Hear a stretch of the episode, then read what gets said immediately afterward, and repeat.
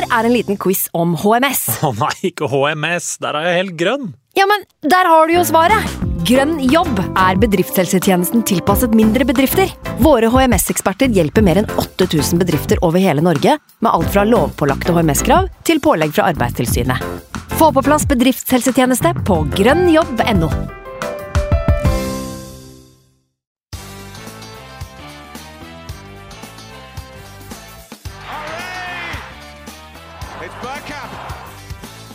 for grabs! The next station is Arsenal. Hei og velkommen skal du være til en splitter ny episode med Arsenal Station med Magnus Johansen og meg, Simen Goffeng. Håper du som lytter har det bare bra og har nytt maksimalt etter sesongens første seier. Eh, Det regner jeg i hvert fall med at eh, du har gjort, Magnus. Ja da. Seierstoget det dundrer av gårde videre nå. Og eh, Starter vi vel, i hvert fall. Ja, vi har jo en West Bromwich-seier Ja, ja, òg, ja. ikke det? Så jeg må bare, som jeg, som jeg sa til deg for fem minutter siden, før innspilling, så nå har vi på en måte vært under torva i, i ganske lang, lang periode. Så nå vi først tar nesa over jordskorpa, så, så må vi prøve å trekke inn den friske, deilige seierslufta mens vi kan. Da. For det, man vet aldri hva som renter eh, rundt neste hjørne. Nei da, vi vet vel at det kan gå både ja, rett til H og verre kanskje også framover. Men nå, nå nyter vi kake, og vi nyter en seier. Jeg tenker at eh, nå prøver vi å holde på den gode følelsen så lenge vi klarer. Vi får se om vi, om vi presterer lenger enn fem-ti minutter ut i den poden her før du kommer med ditt kritiske blikk, da. Det er, jo, det er jo valg om dagen nå, så jeg må jo bare spørre deg aller først. eh, Hvis, eh, hvis du kunne stemt på Arteta inn eller Arteta out etter dette her, hvor, eh, i hvilken boks går eh, seddelen din? Hvilke urne? Eh, Hvilke urne er på det den der, eh, Nå har vi snakka nettopp om eh, under torva, så må vi holde oss til urne. Eh, men eh, jeg, jeg stemmer jo på Arteta som vår eh, statsminister slash manager. eh, Det er veldig men godt. å jeg tror ikke at eh, han er eh, vår leder til jul. Det tror jeg ikke. Nei, du tror fortsatt ikke det. Men jeg spør jo fordi, altså Selv etter en seier, da, som det jo nå endelig ble, så ser man jo overraskende mye, vil jeg si. da. Eh, negativitet fra folk som egentlig gjerne skulle sett Arsenal tapte, for at det på en måte kunne få fortgang på Arteta-sparkingen og hele den pakka der. Og det, det må jeg bare si at jeg ikke fatter og begriper at det går an å ha et sånt fokus. Eh, Nei, det- det skal sies at det er først og fremst engelskspråklige Twitter-kontoer og den slags eh, man ser dette her fra. Eh, Så jeg får håpe at våre, våre mednordmenn er eh, vel så, så oppgående som oss.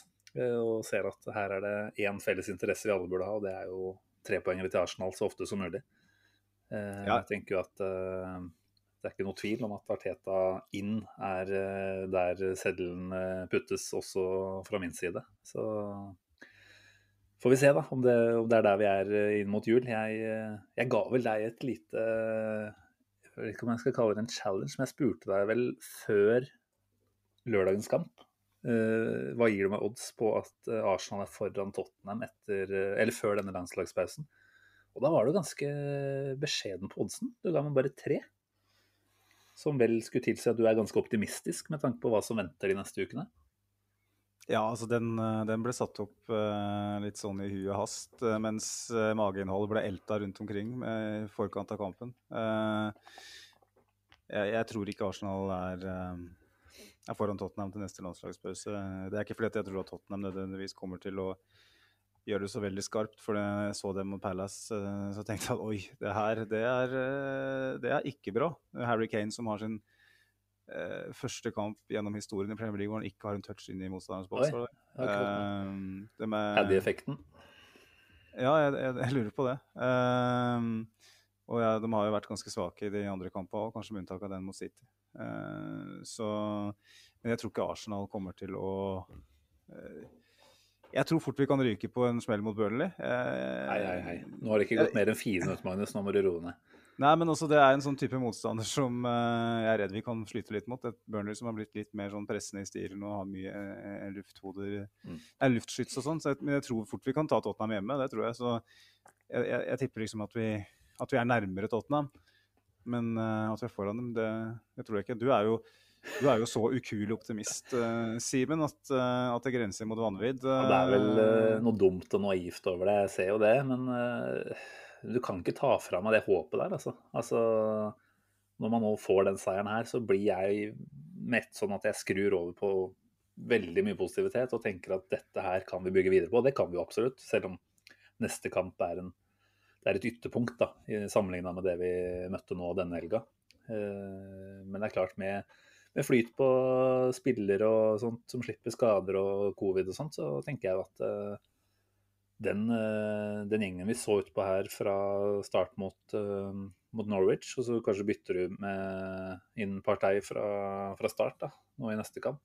får vi se hva man gjør på de offensive plassene.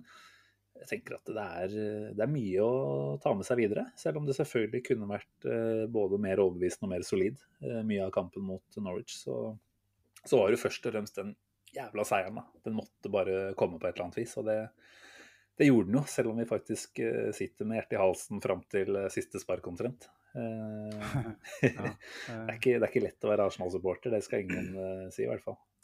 Og De som forventa at det skulle bli walk in the park, det var jo bl.a. deg, da, Simen, som skrev til meg Jeg håpa at, at det kunne flyte. Det kunne bli en 4-0 slash 5-1, eller hva du skrev til meg.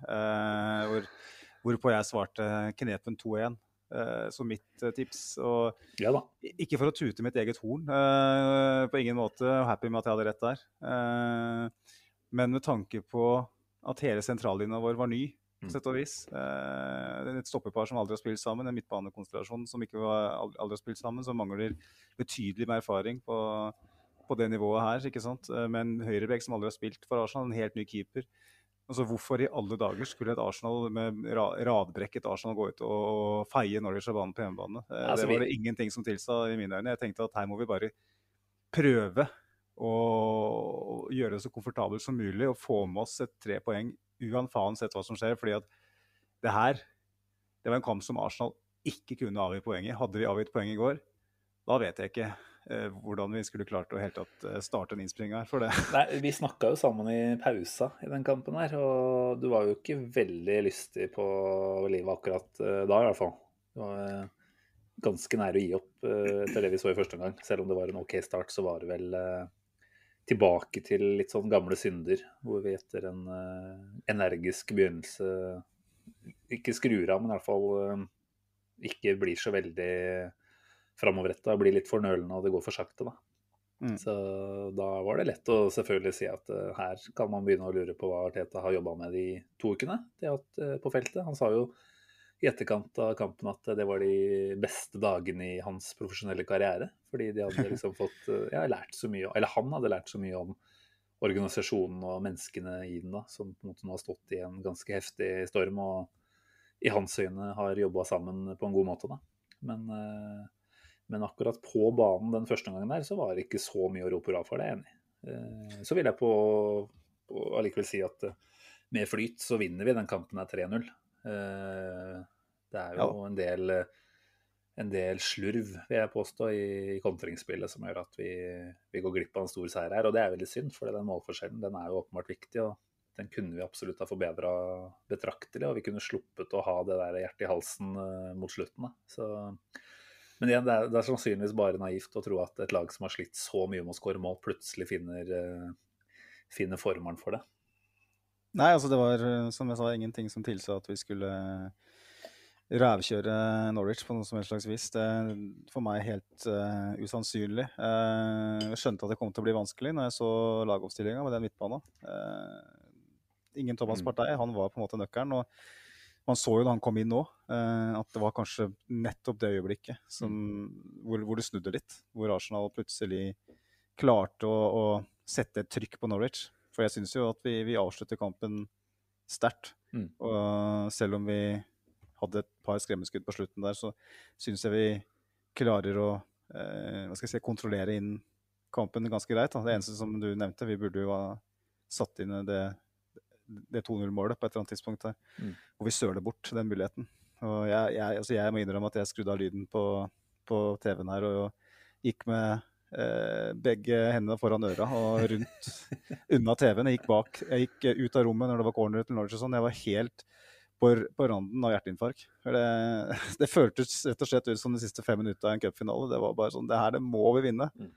Det her er vinn eller forsvinn, på et vis. Jeg vet ikke, Simen, hva du om den gulrotkaka fikk bein å gå på når du satt der og Ja, Den ble lagd i dag, for så vidt, så, så den er eh, dagsfersk. Men eh, ja, altså jeg satt jo selvfølgelig og var uh, bekymra for at vi kunne miste det på slutten her. Og er det noe det, det laget her ikke trenger, så er det en sånn selvtillitsknekk igjen, da. For det er jo det det handler om mange, på mange måter. At uh, selvtilliten er rett og slett så fraværende. Da. Og da er det nerver utapå kroppen, og du ser nøling av den altså, Jeg er enig i at vi, vi, har en viss form for kontroll utover i andre omgang, men det er allikevel liksom en dødball og et innlegg og en siste involvering fra en av våre midtstoppere da, et par ganger som gjør at vi, vi overlever uh, uten baklengsmål her. Og, mm. altså, vi har jo snakka om det nå i mange dager før den kampen her, at uh, alt annet enn seier er egentlig fullstendig krise. Fordi det gir oss igjen veldig lite å bygge videre på inn mot en tøff bortekamp og deretter et uh, Nord-London-derby. Men, og jeg skulle gjerne sett at det var enda mer overbevisende. For det er noe med at prestasjonen Ja, vi har 30 skudd, det er absolutt mye å ta med seg. Men, men likevel så sitter du med at liksom den gjennomføringen er ikke, den er ikke bunnsolid fra ende til annen. Vi har vel uh, såpass lite som 52% ball hjemme mot Norwich, som vi kanskje må kunne si at skal være den enkleste kampen da, uh, i ligaen denne sesongen her for Arsenal. Mm. Og med det som utgangspunkt, så, så, kan vi selvfølgelig si at vi gjerne skulle sett enda mer. Men eh, OK, vi fikk seier. Vi, vi holder på godfølelsen sånn sett, da. Ja, og vi, må, vi måtte bare ha en seier. Altså, vi snakka mye om på, på, forhånd at vi måtte ha en prestasjon nå, men jeg tror ettersom eh, fordøyelsen min har eh, blitt gjennomført nå, eh, både når det gjelder gulrotkakeøl og, og den kampen, så, så, sitter jeg med en følelse av at vi måtte faktisk bare vinne. Mm.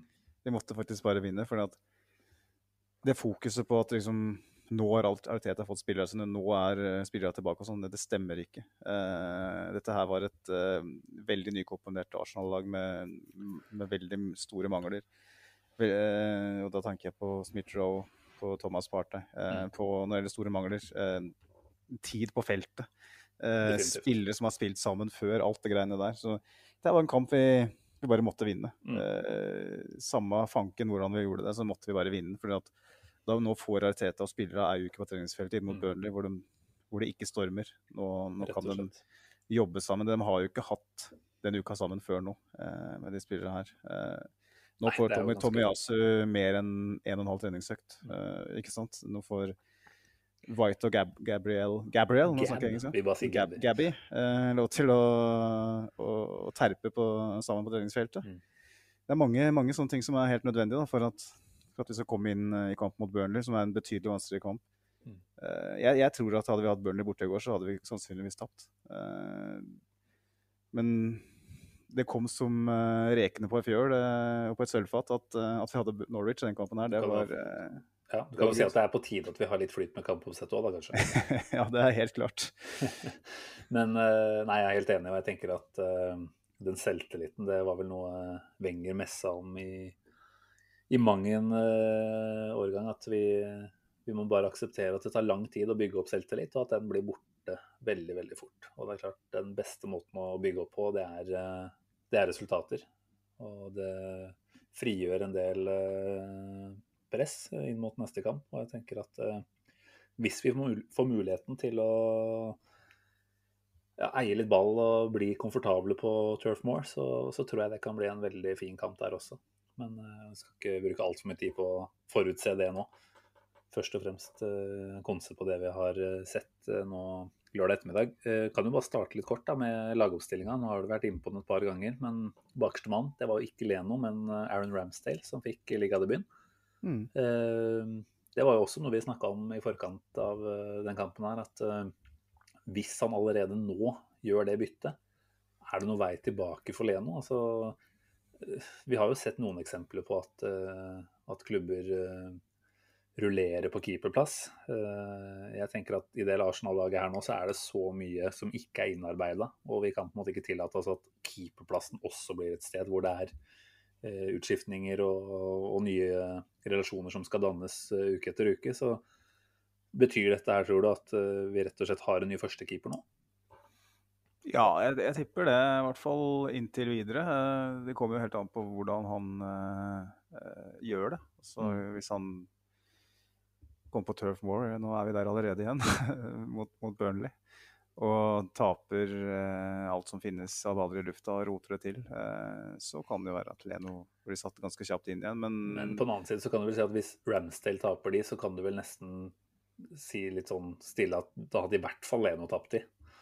Eh, ja, ja. Jeg tenker jo at uh, når man først har gjort dette her valget, jeg tenker at det er et valg selv om Leno for så vidt går borte på landslagssamling og Arteta kan sikkert argumentere for at vi har hatt White, vi har hatt Gabriel, vi har hatt Ja, tiende er vel eneste, da.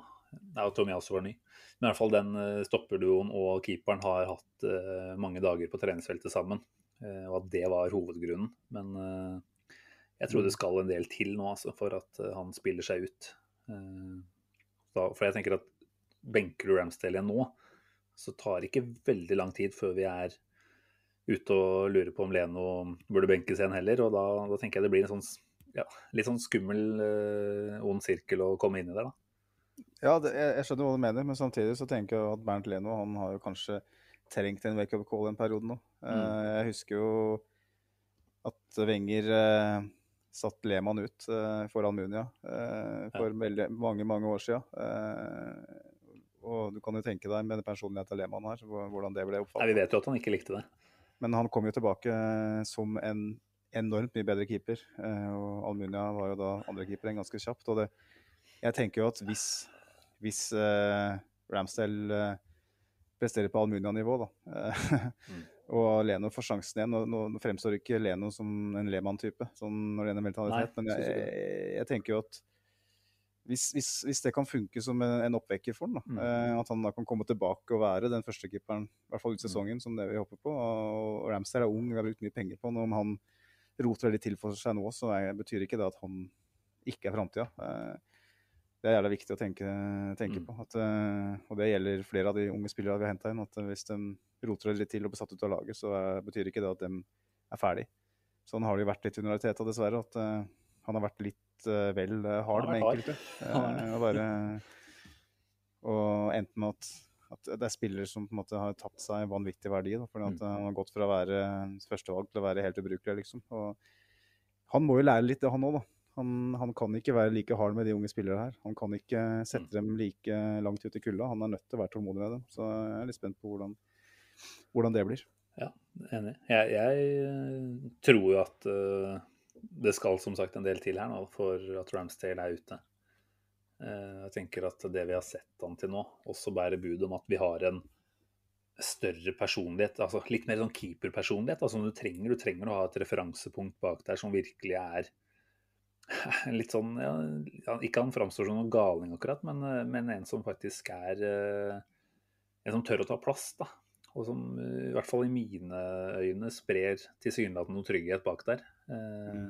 Klart Han er jo ikke mange centimeter unna å kunne gå på en skikkelig blemme i den, den lille feinten hvor han eh, drar på seg en Norwich-spiller og, og, drar den til sida istedenfor. Men, eh, men han framstår i hvert fall med en helt annen type selvtillit per i dag enn det Leno har gjort ganske lenge. Og mm. han, for meg nå så virker han først og fremst veldig mye mer investert i dette her, eh, kall igjen prosjektet. Men uh, du ser jo disse bildene som har gått rundt nå etter at Arsenal skårte. Uh, det, er jo, det er jo sånt som gjør at man blir veldig glad igjen. Vi har jo hørt intervjuet med han hvor han gir inntrykk av å være en godt uh, både tenkende og talende fyr. opplever at han har en bedre, i hvert fall til nå, da, en evne til å styre og, og prate bak der. Eh, og tenker også at bein, eller fotarbeidet hans så, så selvfølgelig ikke har blitt satt på de store prøvene, men per nå ikke er i hvert fall ramma av en sånn uh, selvtillitssvikt som det Leno uh, tilsynelatende har vært. Uh, mm. jeg, tenker at som sagt, vi trenger så mye stabilitet som mulig her nå. Leno har jo ikke spilt med Ben White i noe særlig grad. Det eh, ble jo selvfølgelig en del kamper med Gabriel i fjor, men hvis man nå ser for seg at man begynner å få en, en kjerne bak der, da, hvor man skaper gode relasjoner, så, så ser jeg for meg at den veien til en og tilbake igjen den bare blir lengre og lengre. Lengre og lengre. Skal vi tolke det Teta sier i intervjuet etter kamp, eh, så, så, har du nok rett. Han, han sier jo at eh, det er ikke bare på den tekniske sida at uh, Ramsdale var veldig bra. Det er måten han uh, sprer energi ut til medspillere. Mm. Kjemien hans med backlinja, hvordan han reagerer, kroppsspråket. Mm. Så, det er jo nesten et angrep på Leno her, føler jeg, sånn skjult. For det, det er de tinga som vi har savna. Ja. Men det var litt den følelsen vi hadde med Martinez, var det ikke det? At det var noe, det var noe annet. da. Han utsonda en annen type aura, rett og slett, enn det Leno gjorde kanskje Han gjorde det kanskje i starten, i kraft av liksom da å være ny og komme inn som et friskt pust, men så ble det på en måte bare borte. Mm. Så ja. ja. nei, jeg hadde ikke fått med alt av Arteta sine tilbakemeldinger etter kamp, men ja, som du sier, det høres ut som han er inn på tanken om at Ramsdale er, eh, er, her for å bli, da. Ja, det, det virker tydelig. Uh... at, at, han har et eller annet eh, som Ariteta savner ved, ved Leno. Jeg er veldig overraska over at han tok det valget nå. Det må jeg si. Det, det var jævla tidlig. Og vi, vi har jo spurt, uh, spurt lyttere av Simen. Kanskje vi skal ta med det. Gjør det. Uh, vi stilte en del spørsmål. Jeg har ikke fått så veldig mange tilbakemeldinger. Det er kanskje fordi vi har blitt så dårlige på å ta det med poden. Vi hadde én eller jeg skal ikke si det, men vi hadde en podkast der, den forrige vel, hvor vi fiska etter uh, reaksjoner, og så tok vi ikke med noen av dem. det var jo pent gjort. Men du, du er sosiale medier ansvarlig, så dette er kun på deg. Det var en edu-saginga vår som tok helt av her, eh, som vi skal unnskylde oss for etterpå. Uh, som gjorde at vi glemte alt. Um, Stian Børling skriver 'fortsett med, med Ramsdale'. Andreas Mathiassen skriver 'Ramsdale bør uh, fortsette'. Og min kjære søster Mona Johansen, som har kommentert i dag, og skriver uh, vel at Ramsdale vil kanskje ikke vise så mye frem, men det er fint at det kommer en sisteskanse som dirigerer og roper litt. Mm. så hun er vel òg enig da, om at at vi bør fortsette med, mm. med, Ramsdale. Og jeg har vel til gode å se noen som har uh, ment noe annet. Så det, det, er jo, det, er jo, godt å se at, uh, at, vi, at, uh, at, vi, som fans skal iallfall står bak han da, etter det mm. som ja. foregikk i sommer på sosiale medier. Ja, det er et godt poeng, altså. Det er klart, det var jo mye hat han fikk der. Og du skulle ikke tro at klubben nesten Altså, han sa vel omtrent i ja, Det var vel etter den West Bromwich-kampen at han ikke forventa å få den type reception som han fikk da når han uh, jogga mot bortefansen der. Uh, for han hadde vel også fått med seg at det var mye misnøye ute på, på, sosiale medier. da, Igjen sosiale medier. Uh, jeg tenker jo at jeg tror litt av det handler om at han er en type som mange lett klarer å like også. Han er tydelig. og det er klart Sånne type scener som vi så etter det målet, når han løper rundt der og bokser i lufta, liksom. Da, da, føler du at dette er en som virkelig er på, på laget her. Så tror jeg det er litt den derre eh, klassiske eh, sympatibølgen som kommer etter, eh, etter, en sånn type situasjon som oppsto i kjølvannet av overgangen. Altså, mm. Det ble så mye fokus på negativiteten han fikk, sånn at alle på en måte fikk så sympati med At vi ønsker å liksom vise at dette her er ikke oss, da er, det er ikke sånn vi ønsker å, å, behandle deg på. Det er ikke sånn Arsenal eh, skal være. Og jeg husker jo godt jeg var på Old Trafford i 2011, mm, når vi tapte mot United i FA-cupen. Den kampen når, mm.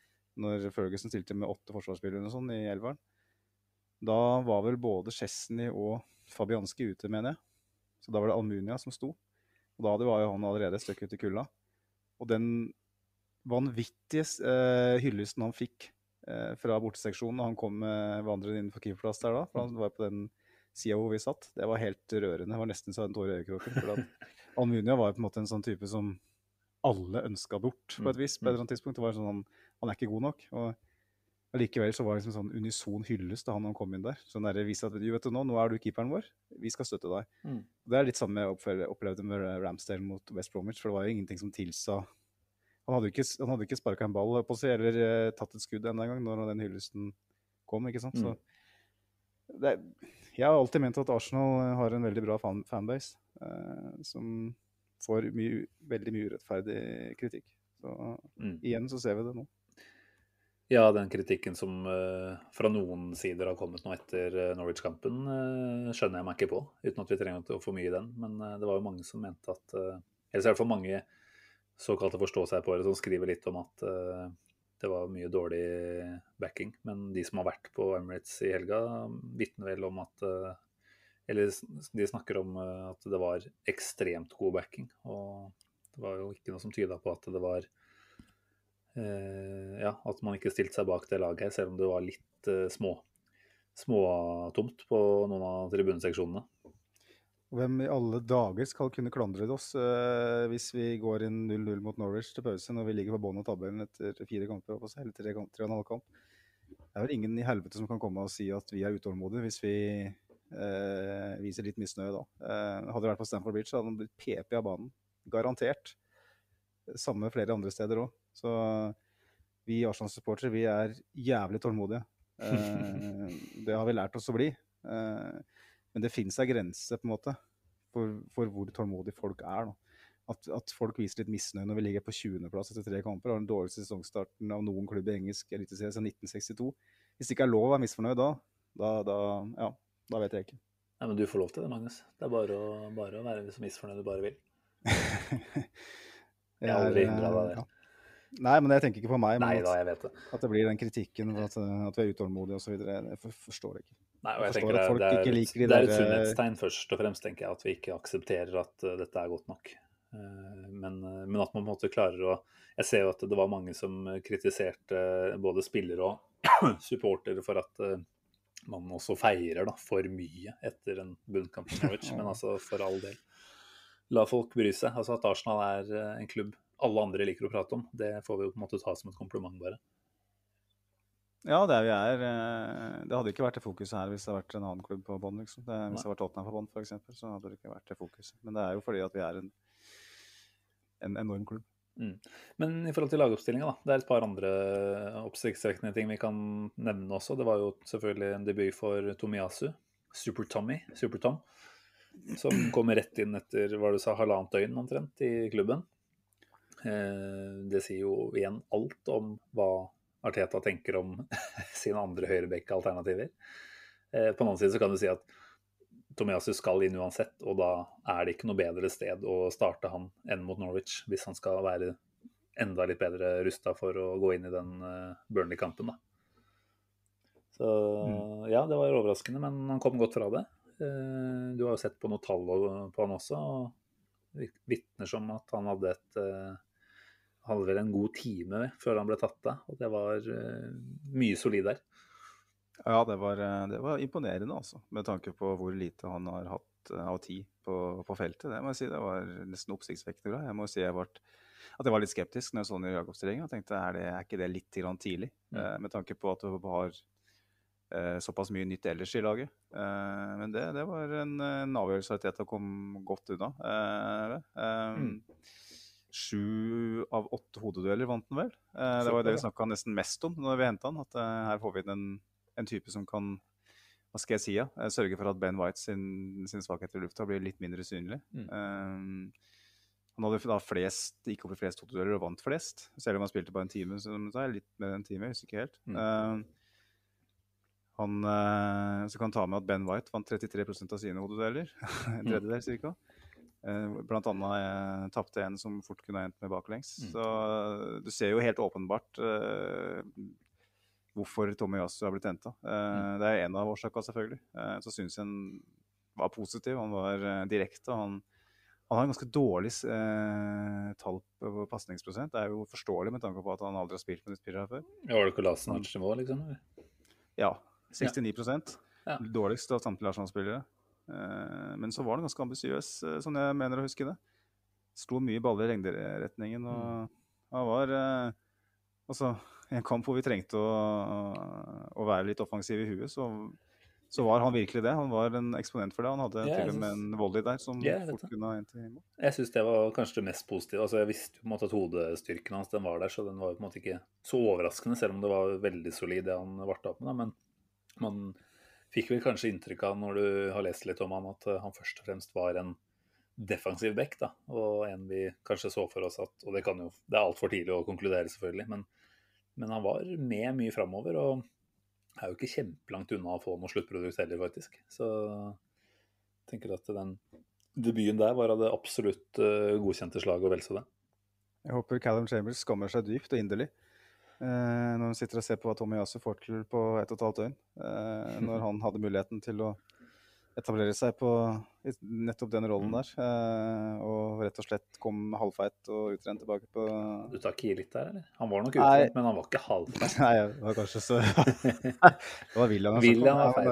Nei, men altså, poenget mitt er at eh, vi hadde ikke, kanskje ikke trengt å bruke så mye penger på en høyreback hvis Callum Chambers eh, hadde vist litt av det han viste eh, på slutten i fjor. Da. Men uh, nok om det. Jeg syns Tommy Yasu var en av de virkelig store positive overraskelsene i år. Altså. Så, det er fjerde i hatten for uh, de involverte. Yes. Uh, midtbaneduo av Lokonga og Maitland Niles. Det er klart, det ble vel nesten framtvunget av uh, skadesituasjon og karantenestatus da, på Chaka. Selv om han er vel for så vidt ute med covid nå også. Eh, er du overraska over at Maitland Niles fikk den eh, startplassen, eller?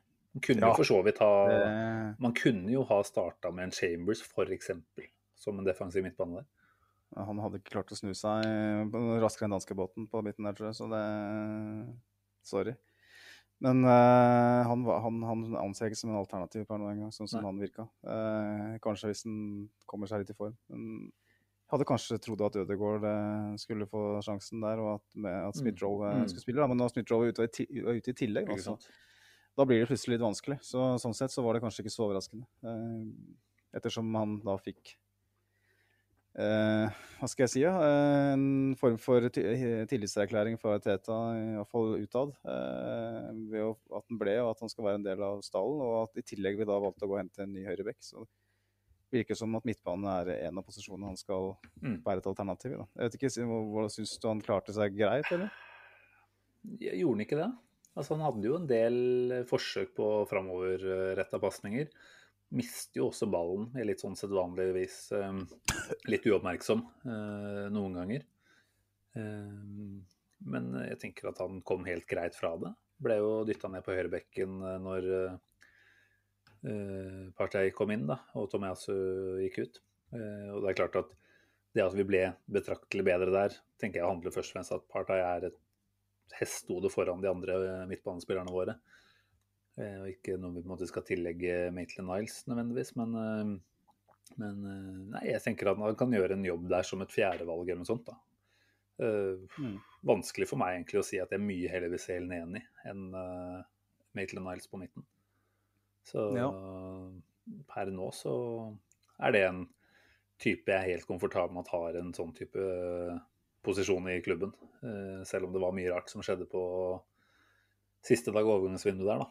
Så virker det som om stridsøksa er begravd, og at man nå Nå fikk en jo nok en, eh, en tillitserklæring da, fra Arteta, som jo har sagt tidligere at han gjerne vil ha han, uten at han har brukt han så mye.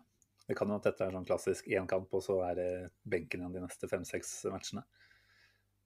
Men eh, nei, jeg syns han kom helt greit fra det. Jeg har ikke noe tall jeg, som eh, nødvendigvis eh, viser noe annet. Men det inntrykket Nei. jeg fikk, var at han, han gjorde jobben sin.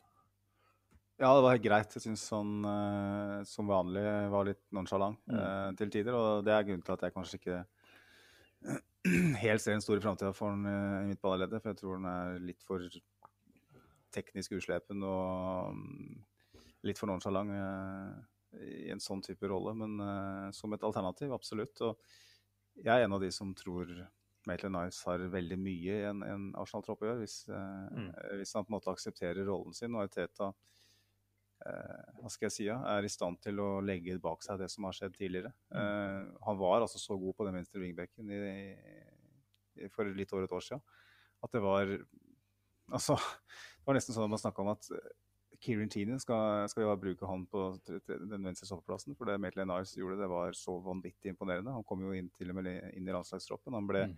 interessant for klubber som Leicester og, og Wolverhampton. Han var dritgod.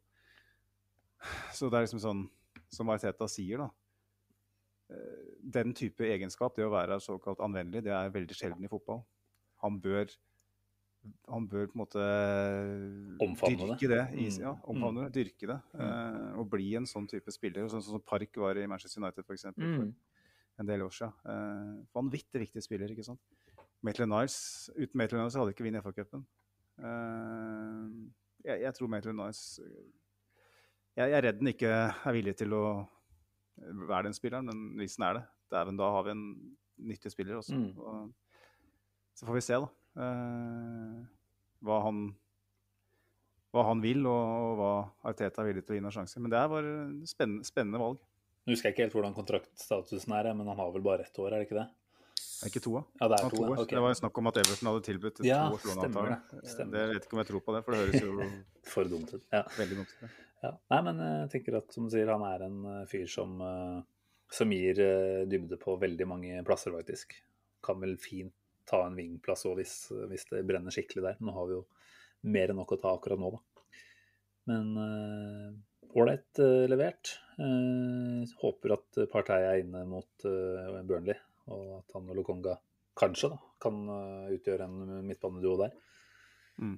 Eh, andre ting fra Vi trenger kanskje ikke gå gjennom lagoppstillingen mer, men altså eh, litt det som skjedde i kampen, ikke nødvendigvis kronologisk, men eh, PP står jo bak eh, seks eh, sjanser for eh, lagkameratene. Det er jo sjelden vare til han å være. Han eh, er vel en av de offensive spillerne våre som skaper minst for andre.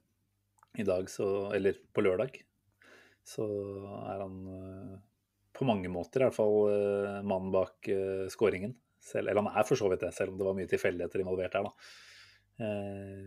Jeg vet at du er litt eh, skeptisk etter eh, den eh, prestasjonen her. Altså, jeg var nok mer positiv eh, før jeg hørte din vurdering, og så dro du meg litt ned på jorda igjen.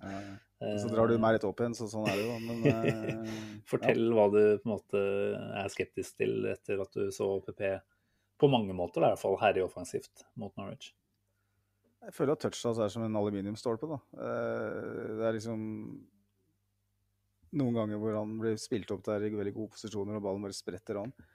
Var det Han er var det ikke bare den ene, da? Nei, det er et par ganger ganger i sånn- hvert fall. Eh, og da kan du jo si Jeg husker to, i hvert fall, sånn umiddelbart. Eh, I tillegg så har de blikket veldig festa ned. Eh, Brandon Williams er jo en brukbar back, absolutt, men han dro den jo av et par ganger der, og så har han ballen på sin foretrukne venstrefot. Og i stedet for da å på en måte charge innover, eh, bruke godfoten, så vender han tilbake eh, og bruker høyre. Og da blir det for enkelt for Williams. Da, da går det for treigt. Det blir for enkelt å lese. Og det skjedde flere ganger. Jeg følte han hadde ganske bra tak på PP en periode der. Eh, jeg syns generelt at eh, PP i går var veldig flink til å være i posisjon. Han kom til muligheter. Han, han- som du sier, han hadde seks nøkkelpasninger. Det er veldig bra, det. Han hadde flest driblingsforsøk på banen. Eh, lyktes bare med en tredjedel, men allikevel. Flest skudd på mål hadde han òg. Eh, men det er liksom noe med at Jeg føler at det kom, ble altfor lite ut av det han eh, foretok seg. Altså, jeg forventer mer av han. Jeg forventer at han er skarpere. Altså, han, var, han var sylskarp siste par månedene av sesongen i fjor. Virkelig. Eh, både jeg og du hadde vel han som I hvert fall jeg hadde han som eh, mitt tips til årets spiller, til og med årets toppskårer. Eh, det tipset det kunne jeg godt tenke meg å dra tilbake allerede. For at jeg forventa at han skulle komme eh, nå, eh, godt, godt uthvilt, med selvtillit og bare dundre på. Men eh, jeg ser litt de gamle syndene hos, hos PP, da. Eh, selv om lite skal til, da. Kanskje en scoring, kanskje en kamp hvor han, eh, de toucha sitter litt, så, så kan det løsne. Jeg håper jo det. Og kanskje bør jeg stå ved tipset mitt, men jeg syns ikke at denne kampen her var eh, eh, Med tanke på motstand, med tanke på hvem PP er og hva vi forventer han, så syns ikke det her var noe å hoppe i taket over. Jeg er bare jeg er glad for at han er mye involvert, for det betyr i hvert fall at, Mm. uh, at han ikke gjemmer seg. Eh, så jeg vet ikke, Simen, du, du var mer positiv. Hva, hva, hva, hva, er tenker du? Nei, så jeg tenker jo PP isolert sett, eh, i forhold til hva han faktisk får til, det, det syns jeg er mye positivt. Og så ser jeg jo at han som lagspiller mer, altså kanskje kan være en viss bremsekloss i en del eh, av de Jeg tenker vi har noen håndteringsforsøk som han er veldig delaktig og frispiller Aubameyang én gang. Eh, Smith-Roe er det vel en annen. Og, og gjør mye bra, men vi ser at han også bruker for mye tid og tar for mange touch. Eh, og at det selvfølgelig er noe han uh, bør helst legge fra seg, for da tar det for lang tid å få, få den ballen framover. Um, men, men, han, i forhold til helt, altså det han gjorde med ball uh, og det han skapte, det, det syns jeg var bra uh, isolert sett nå. Altså. Og tenker at uh, hvis han setter den altså den som ender opp med Aubameyang-skåring, hvis han får den stang inn istedenfor Det var jo stang og nesten rulling på streken, ikke sant. Det er små marginer. så, så, så er det mulig at han skyter fart allerede i neste kamp. Så jeg velger å kan, For all del kan det hende at han er benka til neste kamp, for det kan at Arteta har sett litt av det samme som deg og tenker at en trio med Saka, Ødegaard og Smith-Roll er riktigere mot, uh, mot Burnley. Uh, hvis man bruker Aubameyang, da. Det er også noe det har vært mye snakk om at han og PP sammen ikke nødvendigvis er uh, en superoppskrift på å skape mye sjanser og, mm. og være effektiv offensivt. Da. Men jeg likte han i går, jeg gjorde det egentlig og hadde unna han et mål. Håper at du får rett, jeg, ja, altså, med at han blir toppskårer for så vidt. Selv om akkurat nå så ligger vel Aubameyang noe bedre an, da. Ja, jeg vet ikke om det tipset gikk på Premier League-skåringer, i så fall så ligger han bare rett foran. Men ja, generelt sett så er det fire, selvfølgelig. Men nei, uh, ja, vi snakka litt om det i går, Simen. spesielt i pausa, vel. etter at vi så en kamp som ble veldig oppstykka. Eh, veldig mye stopp i spillet. Mange håpefulle skudd fra posisjoner vi tenkte at kanskje ikke var så smart. Fordi at jeg følte at det Arsenal kanskje i større grad burde klart i går, var å mørne Norwich. Mm. Eh, og med både PP og Aubameyang på banen samtidig, i, altså to av fire spillere er offensivt er litt sånn eh, Hva skal jeg si? Ja, relativt sånn svake i, sånn økonomisk oppbyggende spill. Mm. Så, og med tanke på hva Teta ønsker, så, så, tror jeg vel at, eh, at, det, at, at, det, ligger mye der. da. Selvfølgelig så mangler Sjaka òg, som er en viktig eksponent sånn sett. Men jeg, jeg tror det at eh, med Ødegaard, Smithrow og Saka bak Aubameyang, eh, eventuelt eh, Lacassette på topp med PP eh, på høyre, da, som eh, si Ødegaard og, og Saka, mm. så får du en litt bedre offensiv balanse.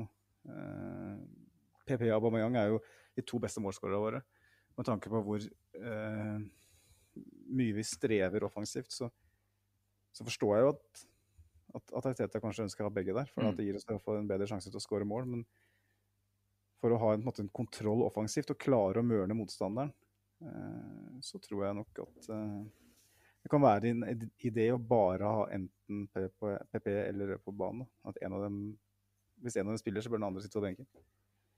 Jeg vet ikke. Ja, det kan, det kan godt hende. I hvert fall i sånne kamper hvor vi ligger offensivt og styrer. Vi har jo ikke sett for mange eksempler på den eh, offensive midtbanetrioen bestående av Smith-Road, Saka og Ødegaard. Men eh, det er jo lett å altså Ut ifra de gangene vi har sett det, så er det lett å tenke at det er noe vi kan bli enda mer sjanseskapende av. Da, og noe vi har lyst til å se oftere. Så selv om det skal også sies at Saka ikke nødvendigvis hatt en superstart på denne sesongen her så langt. Uh, han var ålreit i går, men uh, slitt fram til da, tenker jeg.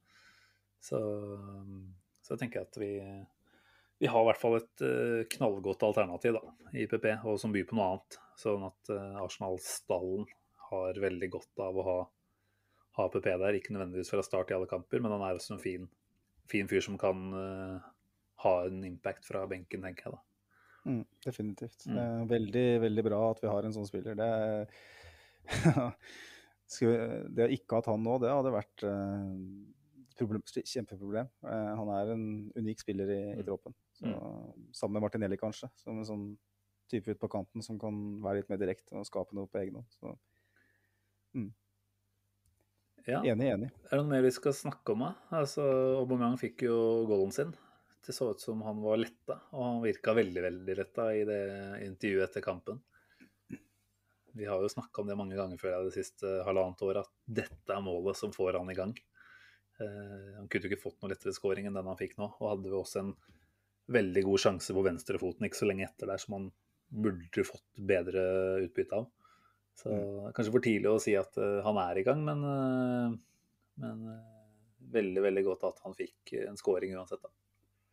Ja, veldig hyggelig å se den videoen etter match hvor han blir intervjua av uh, Arsenal sin pressemann. Uh, hvor må avbryte intervjuet fordi at fansen synger navnet hans. Mm. Og du ser på en måte hvor mye det betyr for han. da. han det er en fyr som trenger kjærlighet. Uh, Mm. Og du ser det er en fyr som vokser veldig på, på gode opplevelser. Så ja. Eh, du har jo sett crossrocket til Aubameyang nå over lengre tid. At det har vært litt sånn Jeg vet at vi ikke skal henge oss for mye opp i nettopp kroppsspråk, men eh, det har vært noe der, syns jeg. Eh, noe annerledes. Ja, det har vært litt mer punch, og jeg syns jo at han har en, eh, noe ekstra i, i løpene sine nå som vi ikke har sett på en stund, altså. Så det er, eh, det er litt mer eh, hva er det de sier, purpose i det han foretar seg, føler jeg. Mm. Virker eh, mer mentalt til stede, og det er klart han hadde mye å fokusere på som ikke nødvendigvis handla om fotball i fjor. Sånn at uh, hvis han er 100 eh, mentalt til stede, så, så vil det også komme til syne på, på målskåringa, tenker jeg. Så alt i alt må vi jo kunne si at det var en ålreit eh, lørdag, var det ikke det? 30 sjanser, eller avslutninger ble det jo. En XG på hva var det du sa før vi starta? 2,5 ca.? 269, 269. eh, ser jeg nå. Eh, Må jo være noe av det høyeste vi har prestert under Arteta, både i form av avslutninger og, og XG. da. ja, eh, i alle fall avslutninger eh, må det være høyt oppe. Eh, XG-en mot Brentford var jo eh, ganske dårlig, selv om vi hadde masse avslutninger, selvfølgelig. Men sånn i fjor, sesongen i fjor så, så hadde vi jo så mange kamper hvor vi ikke hadde avslutninger. Vi lå jo Mm. på nedrykk i antall avslutninger til jul omtrent. Eh, det var jo ikke så langt under nedrykk som sånn totalt sett heller, da, men eh, det var det at, eh, at vi fyrer litt mer, det, det er et godt, godt tegn. Eh, og så sier jo XG noe om kvaliteten på de sjansene som blir skapt. Jeg syns jo at vi kunne skapt mange flere gode sjanser i går. eh, mange overganger, som du vel nevnte før innspilling. Så at eh, det var en del overgangsmuligheter som ble spolert bort, rett og slett. Eh, for dårlig, dårlig samhandling. Ja. Eh, lite purpose akkurat der. Mm. Og da det var noen ganger hvor de så litt overrasket, overrasket bare, Oi, her var det nye rom. Ja. det var for, for lett, altså. Ja, og det, det er mye å gå på her også, Mm. men eh, det er, noe, det, det er noe å bygge på. Absolutt.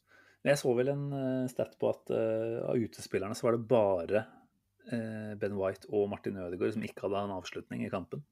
Det, er jo, det vitner om i hvert fall at det har vært mange som har eh, vært villige til å, å prøve seg. Da. Eh, Så kan man kanskje si at Ødegaard er en av de som definitivt burde hatt en avslutning eller to. Han hadde vel et par OK posisjoner hvor han eh, gjerne kunne ha fyra. Og det er jo litt den forsiktige Martin eh, vi kanskje fikk se sånn sett. da. Jeg håper virkelig at han bare tar av seg sikkerhetsselen og, og fyre på litt mer. For jeg tenker det er så mye fotball i han. Så Mm. hvis han klarer å switche om og bare være aggressiv i måten han tenker på, så, så tror jeg han Altså ja, for all del, han har mye god økonomi i måten han eh, tenker fotball på.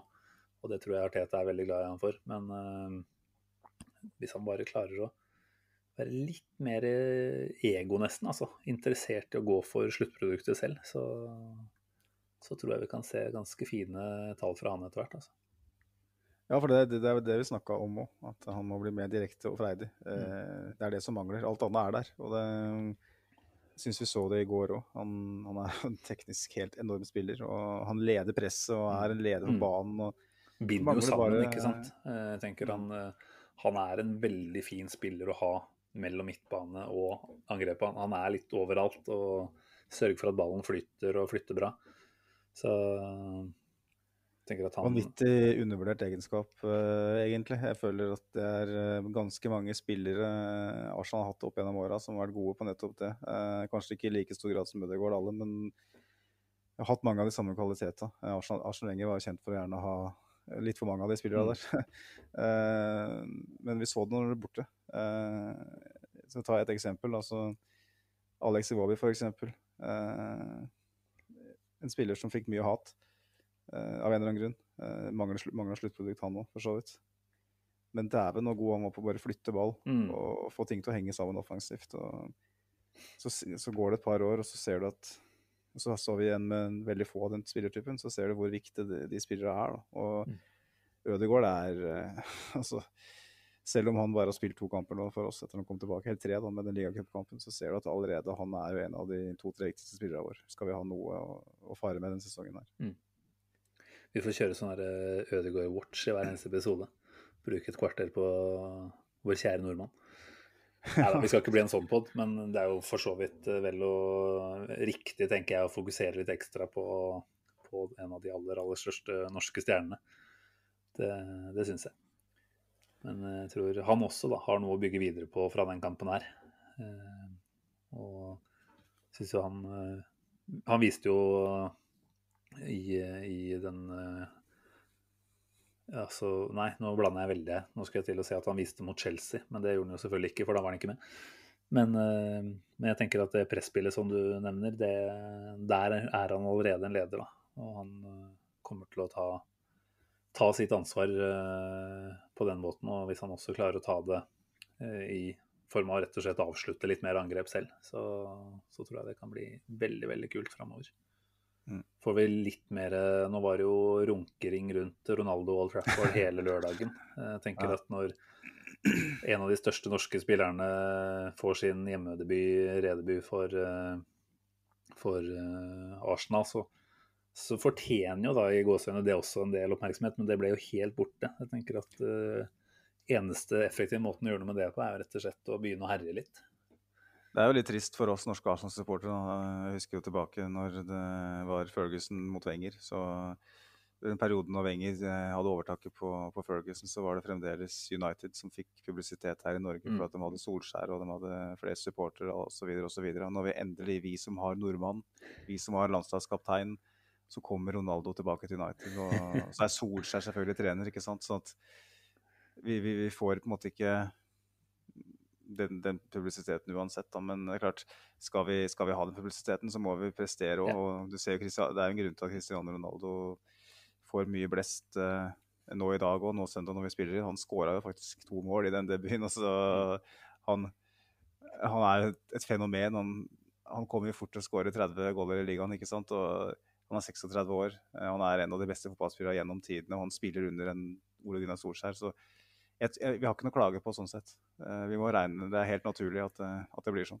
Vi får ta det som en utfordring, rett og slett. Jeg Mm. tror egentlig ikke Martin Ødegaard bryr seg en skit om hvor mye spalteplass han får i norske medier heller. Kanskje det bare deilig å slippe, tenker han vel. Ja, det kan godt Det hende. det er altså. derfor vi Han, som podkast må være skikkelig på. Mase på den. Heve, Ja, da- heve stemmen og snakke i store overskrifter. Gjøre det skikkelig sånn tabloid og fælt rundt den. Hvis du hører på, Martin, så er du velkommen som gjest. Ja, ja, ja. Det skal du ikke tvile på. Det hadde vært gull. altså. Det, er- det er jo en av de store måla våre på sikt. Eh, Kanskje når, når den er lagt opp eh, og har litt bedre tid, men det eh, tror jeg vi skal være heldige for å få til. Du får hive deg rundt. Nei, men eh, vi må jo kanskje runde av selve kamppraten der. Eh, vi hadde jo, som du var inne på tidligere, noen ganske saftige betraktninger rundt eh, Edu i vår forrige podkast. Og så kom det jo et eh, Ja, først en podkast med David Ornstein på Arsblog hvor han eh, gikk ganske langt i å egentlig dementere alt det vi sa. Og, og, og det er for så vidt helt greit. Vi sitter ikke med fasit. Det har vi aldri påberopt oss at vi gjør. Og så kom jo også du ut med egne intervjuer både på Sky Sports og Arsenal sin hjemmeside. Eh, Mm. ikke lenge etter, vel.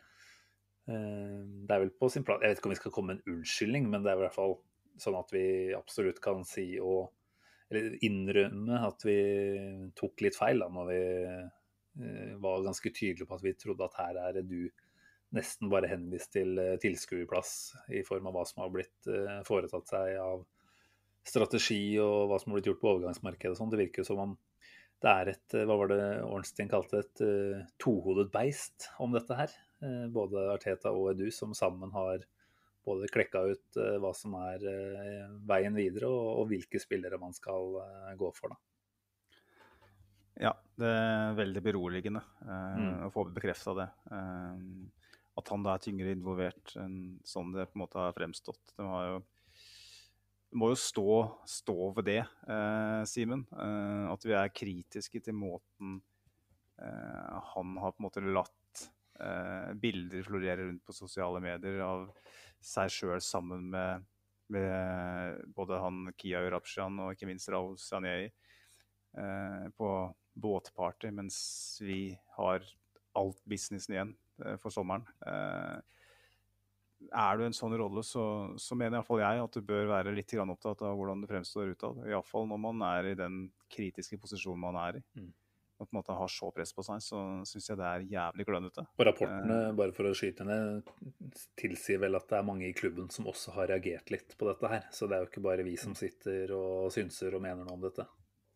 Nei, det sa jo han godeste David Ornstein, at som du sier, at mange i klubben reagerte på det. Og Eh, sånn sett så er det en liten sånn indikasjon for, for vår del. Da. At det, at det, ikke er så drøyt å mene om det. Det er mange som syns det er uh, helt meningsløst og idiotisk å snakke om, om slike ting. Men eh, både jeg og du er vel enig i at det er ganske viktig eh, i en sånn rolle. Mm.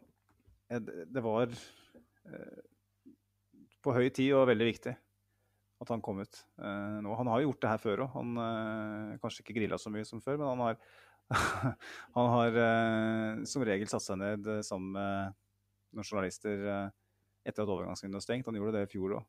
Eh, og snakka om klubbens strategi og alt sånt. Og det, det, skal han jo ha for. Og han, han, sier jo på en måte ikke noe sånn revolusjonerende. Vi, vi, forstår jo på en måte mm. strategien her. Men det er noe med å få bekrefta at, at, han er en del av det. Da. At han ikke bare driver og suser rundt med agentvenner. og så for det, fra, sånn, tolk, sånn både jeg og du har tolka, så har, har han jo fremstått som at det har vært Ariteta sammen med Cronky eh, som har styrt det showet her. Og um, for å si det sånn, da, Ariteta ville aldri i verden eh, fremstått sånn utad. Eh, om han hadde hatt en sånn rolle. Han har jo en sånn rolle for så vidt, som manager. Og det at, uh, at de to er på bølgelengde, tilsynelatende, og at, um, at klubben tenker som ett, det er, det er en sånn eh, beroligende greie for mine i hvert fall. At, mm. Eh, at, vi ikke trenger å snakke så mye om det såkalt store bildet akkurat nå, i hvert fall. For det, det har vi gjort så mye. Og inntil eh, det blir eh, lys lue i form av brann igjen, så, så, kan vi kanskje fokusere på eh, Arteta og spillere litt. Da. Eh, og det syns jeg er godt. for det jeg, jeg er drittlei av å snakke om Eier og Edu og mm. Vinai og alt det greiene der. Det... Ja, jeg tenkte jeg faktisk skulle spørre deg litt, men da tror jeg jeg dropper det. Vi kan ha det til gode til de regnværsdagene igjen, hvor det i så fall blir aktuelt. Nå tenker jeg vi først og fremst skal ha denne poden her i den konteksten av at vi vant den forrige kampen. Og holder det på det hyggelige nivået der. Og så kan vi heller ta de kritiske og mer illevarslende spørsmål rundt Edus eh, potensielle framtid eh, dersom det blir aktuelt framover. La oss håpe at det ikke gjør det. Mm. Eh, ja, men greit. Har vi fått den på plass da, eller? Ja, jeg føler det. Det har jeg blitt sagt og skrevet så mye om det, Simen, at det blir ikke så mye nytt som, som kommer fra oss der. Men det er greit å ha en liten statement etter den uh, uh, roasten, nærmest, vi hadde i forrige episode. Uh, ja. Nei, men igjen, Det var jo en konsekvens av at han har satt seg i en viss posisjon her. Da, hvor det, det, det, føles lettere å ta han, på en måte. Det er vel litt sånn underbevisst også derfor vi endte opp med å gjøre det. Uten at det på en måte lå noe ondsinnet plan bak det. Så legger han litt, nei, nei. litt opp til det, kanskje. Vi har ingen agenda, for å si det sånn. Og det er bare det at, uh, at vi forventer uh, at, at klubben eh, er mer transparent. Da, for det, det, det, er jo et problem som har vært i Arsenal i evigheter. At vi har vært litt for lite mm, transparente. Mm. Og nå har både Teta, Vinna og Edu og til dels Cronky uttalt uh, noe i de samme linjene. Ja. Uh, og da, da, tenker jeg at da får vi ja, gi den sjansen. sjanse. Det kjøper vi. Det, det kan vi like. Nei, altså vi, vi, nærmer oss vel slutten på den poden podden her, men et par ting til. Vi skal jo selvfølgelig innom X-spillerspalten ganske snart, mot slutten. Men eh, en liten sånn, uh, kall det sidenyhet, som vi kanskje også må bruke noen få minutter på. Det er jo status på Jack Wilshere. Eh, jeg har jo sett han vært ute nå både i podform og blitt intervjua av Det er vel nevnte David Ornstein igjen, da, som har hatt den inne. Og det går jo dessverre ikke helt på skinner for Jack om dagen. Eh, var vel på prøvespill hos en Serie B-klubb, Komo var det vel. Og Stemmer. kom hjem uten noe kontrakt, så vi kan vel anta at det betyr at han ikke har kanskje imponert så, så mye. Eh, De hadde vel ikke sjansen, de kunne vel ikke signere noe pga. de der bre- nye brexit-reglene. Ah, ok. Sorry, da var det det. Men ja, for jeg fikk inntrykk av at han dro dit med en slags eh, tanke om å, å bli værende, da. Eh, Da trodde jeg kanskje man hadde satt seg litt inn i det regelverket i forkant. Jeg tror ikke Jeg vet ikke om det var intensjonen i det hele tatt. Tror, okay. Vi vet jo at det er fint i Como. Det er kanskje det, Fint å spille fotball der litt. Eller annet. ja, jeg vet ikke, men det virka for meg som det, han var klar over det. At Ja, det var ok. fint, Kanskje han kjenner noen i klubben der, jeg vet ikke. Gjør at Men det er er en fin plass å trene litt. Men uansett, eh, Arteta fikk jo spørsmål om eh, Wilshere på var det pressekonferanse før eller etter Norwich-kampen, jeg husker ikke helt. Eh, hvor han jo svarer at uh, i Arsenal så er man selvfølgelig glad i, i Jack for alt han har gjort og den han er, uh, og at døra står åpen når det kommer til å trene med klubben i hvert fall. Eh, Jeg har ikke sett den enda. Jeg, er jeg vet ikke helt hva jeg syns om en sånn type løsning hvor han såpass uh, utrent sannsynligvis, i hvert fall i forhold til resten av gjengen, kommer inn og skal være en del av uh, Jeg vet ikke om han ville vært en del av en eh, typisk førstelagstrening, eller om det ville vært mer individuelt uh, retta dette her, da. Men eh, altså tanken på å ha han tilbake på London Colony eh, den er jo romantisk og fin uansett. Jeg tror det er en lang vei tilbake til at han faktisk kunne fått noen korttidskontrakt eller noe sånt. Men hva, hva tenker du om eh, situasjonen hans om dagen? Er det sånn at du, du tar han tilbake med åpne armer du også, eller? Jeg syns det er veldig vanskelig, for det Jeg er jo på én side litt redd for eh, det folkekravet som vil oppstå hvis eh, El Neni og Maitland Niles eh, får mange minutter på midtbana, og med Jack Wilshere stadig vekk blir avbilda på førstelagstrening. Eh, Det blir en veldig sånn enkel matte for enkelte. Eh, Samtidig så er vi veldig tynt besatt på den, den lagdelen. Altså, hvis Jack Wilshere har hodet på rett plass, hvis han har lagt, eh, lagt bak seg litt av det som Ikke skal glemme at han har vært en, en type som har rota litt til for seg sjøl òg. Det er ikke bare skader som er problemet. Han har vært eh, litt for glad i det gode liv osv. Eh, hvis han på en måte kan være en, en voksen, eh, erfaren Mm. type på treningsfeltet som kan bidra sånn sett, så så har vi på en måte en liten sånn forsikring der òg. Hvis det virkelig skulle gå til helvete sånn skademessig, så, så Ja. har vi en som kanskje kunne gått inn på en korttidskontrakt. Eh, men eh, nei, jeg syns det er vanskelig. Det kommer helt an på uh, hvem er Jack Wilshere i dag, Uh, og hva slags Ikke bare fotballspilleren nødvendigvis, nei. Nei, det er mer, mer typen. Mm. Uh, hva, kan, hva kan han bidra med på treningsfeltet? For det, jeg tenker at det er jo en two-way street det her. Vi må jo på en måte forvente noen tilbake òg, hvis Mm. vi gir en sånn, Mm. En sånn sjanse. Vi vet vel at han er i gang med noen trenerlisenser og litt sånt, så det er jo ikke helt urealistisk å tenke at han også kommer inn litt med, med det fokuset, kanskje. Eh, han har jo slitt masse med skader, og det er vel en erkjennelse der av at ikke det nødvendigvis eh, blir eh, 35 ligakamper de neste sesongene. Eh, jeg vet, vet ikke helt hva han tenker selv. Det virker som han først og fremst har lyst til å spille, og i Arsenal så vil det vel begrense seg til, til at han trener, tipper jeg da. Så, Det er litt rart, uh, rart syns jeg, da, at, eh, at den ikke får kontrakt noe sted. Jeg, jeg, føler jo med den på sett og vis. eh, samtidig så er det jo rart at det ikke er en Champions League-klubb, f.eks., Mm.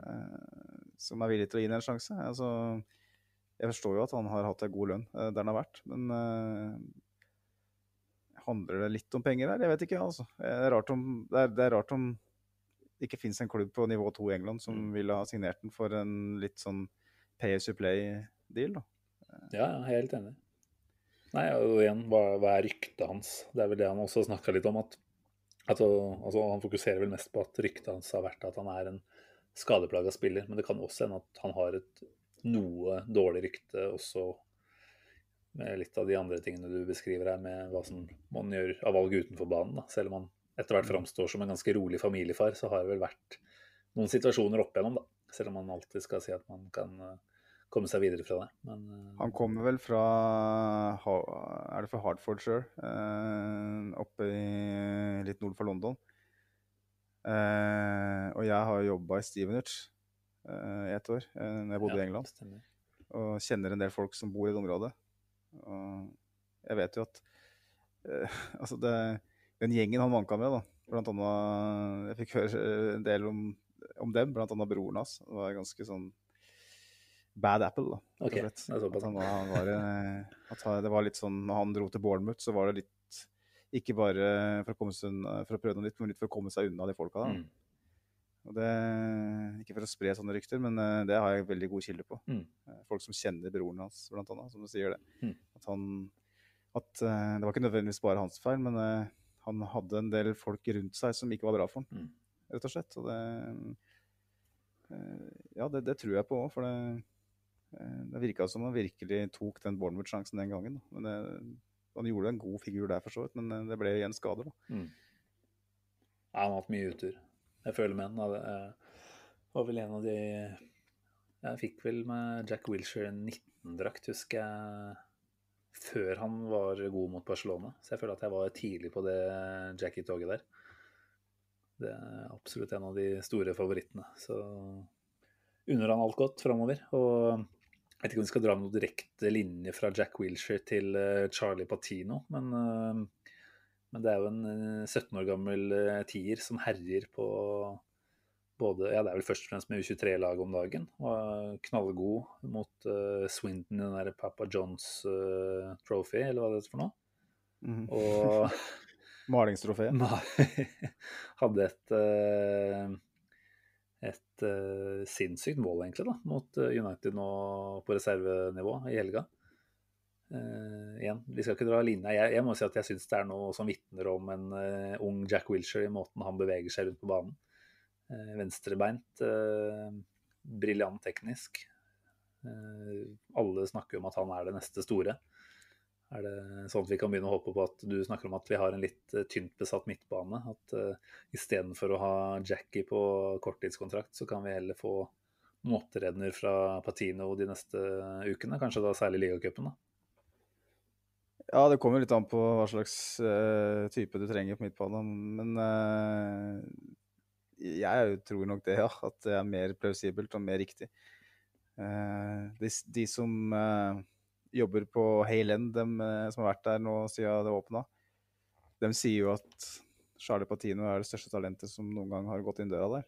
Eh, og det inkluderer jo da Jack Wilshere da, og, blant annet, og ikke minst Bukayo Mm. Saka. Så det sier jo litt. Og vi, vi hadde vel eh, en sånn liten eh, spådom på hvem som ble årets eh, gjennombrudd eh, i den preview-episoden foran sesongen. Og da var det ingen av oss som sa Charlie Patino direkt, direkte, men han ble jo nevnt Mm. som en mulig Til tross for at ikke vi har Europaliga denne sesongen, her, så ble han nevnt allikevel. fordi at hadde vi hatt Europaliga, så er jeg ganske sikker på at han hadde spilt ganske mye. Ja, eller conference, da, for den saks skyld. Ja, ja, da hadde han i hvert fall fått spille mye. Og nå, som du sa, skåra han det målet mot United nå i, i helga. Og det var jo Phil Jones og Dean Henderson blant annet, som ble finta på ræva der. Og det er jo Premier League-spillere. Mm. Eh, Et godt, ganske sterkt United-lag eh, som sto på motsatt side, i hvert fall bakover. da. Og det er jo Altså Han, han, han snakker som i så varme ordelag, og eh, han viser eh, i en sånn, på en sånn type motstander at han, at han har noe å fare med. Da. Så, så vi jo Arthur Okonko ble hypa som beste keeperen vi noen gang har hatt, og han så jo helt skrekkelig langt under nivået i preseason, så du vet jo aldri hva som skjer når han plutselig kommer inn med de store gutta. Nå er jo keeperposisjonen ganske annerledes for Mm. utespillerposisjon, da, men uh, jeg vet ikke, Simen, tror du Tror du at uh, Det er vanskelig å svare på, selvfølgelig, men tror du at han uh, når, vi, når vi skriver mai 2022, at han har Premier League-kamper under beltet? Fått et gjennombrudd på et eller annet vis. Jeg tenker at eh, hvis han er litt heldig nå, da Nå er det jo Wimbledon i neste runde i ligacupen. De er vel på nivå fire nå, i league two, er det ikke det? Nei, på nivå Er de på league, one-nivå? Ok. Mm. Uansett, da, tenker jeg at ok, nå spilte han mot Swindon. Det er i hvert fall eh, nivå fire. Og herja jo Mm. der, eh, med et dårlig, dårligere Arsenal-lag. Det er klart, hvis du dytter han inn sammen med en del andre ikke første elverspillere, men i hvert fall solide A-lagsspillere mot Wimbledon, så tenker jeg han fort kan ha en ålreit prestasjon der. og Litt avhengig av hva som skjer framover i den turneringa, så kan han fint få noen opptrener opptredener til. Og selvfølgelig må han jo nesten håpe litt da, på at det blir noen skader, sånn at han har en kortere vei inn i, inn i en eh, Premier League-tropp også. Han har kanskje vært i troppen noen ganger, men har vel aldri fått noen minutter. Eh, så ja, jeg tror faktisk jeg vil si at han er eh, Han har Premier League-minutter eh, når vi skriver mai. Får håpe at ikke det er fordi Arsenal ikke har en dritt å spille for de siste seks-syv kampene. Det tror jeg fort kan eh, være en mulighet, men uh, uansett uh, så ligger det en verdi, verdi i det. Mm. Så neste sesong så må vi jo tenke at han uh, fort er en som er topp 16 i troppen, da, kan du si. Allerede fort, det tror jeg fort. Ja, og da har vi kanskje Nazis tilbake, som har gjort et fint utlån i Portsmouth òg, så da er det bare å shippe ut i hvert fall en Leni og en til. Kanskje til og med Sjaka. Få inn noe annet. Uansett, vi tar ikke noe mer om det nå. Eh, bare komme på at når vi snakka litt om Conference League her og sånt, så er det utrolig deilig å slippe å bry seg om Conference League på en torsdag nå, når vi skal bort og møte Burnley til helga. Det må jeg bare si, altså. ja, for det er, er det Europacup nå en uke? Ja, ja, ja. Kjører på, vet du. Jeg, jeg, følger ikke, jeg, følger, ikke, med. vet jeg du. Skulle jo, jeg skulle jo gjerne ønske at uh, det var neste uke istedenfor, før uh, før den Tottenham-kampen. Så de kom litt sånn småutslitt til uh, Nord-London Derby. Men uh, jeg tenker jo at for vår del, inn mot en tøff bortekamp på Turf Moor, så er det helt strålende å slippe å reise til Øst-Europa på en torsdag. Ja, så det, det, sier du det, det, var mange som var litt sånn ah, Fader at vi ikke kom foran Tottenham, og fader at vi ikke fikk den europaplassen. Og ja, det hadde vært noen millioner, og ja, det hadde vært en del ålreite utviklingsarenaer for andre spillere, men det ville tatt mye oppmerksomhet, og det ville vært slitasje på også spillere som er i en førsteelver, sannsynligvis. da, I hvert fall når vi har litt skader og sånt. Så det, det er jeg veldig glad for. Selv om vi ja. høres overlegne ut her når vi sier nei takk til europaspill. Men uh, det er fordi vi har, uh, vi har jo forhåpninger, selv om vi har fått en skeiv start nå, at uh, vi skal opp i den Europa-league-diskusjonen i hvert fall i løpet av sesongen. Det må vi jo si. Noe mer enn det skal vi forsiktige med, men ja, ja selvfølgelig. Europaligaen det er topp seks, og det, eh, det kan vi ikke avskrive ennå.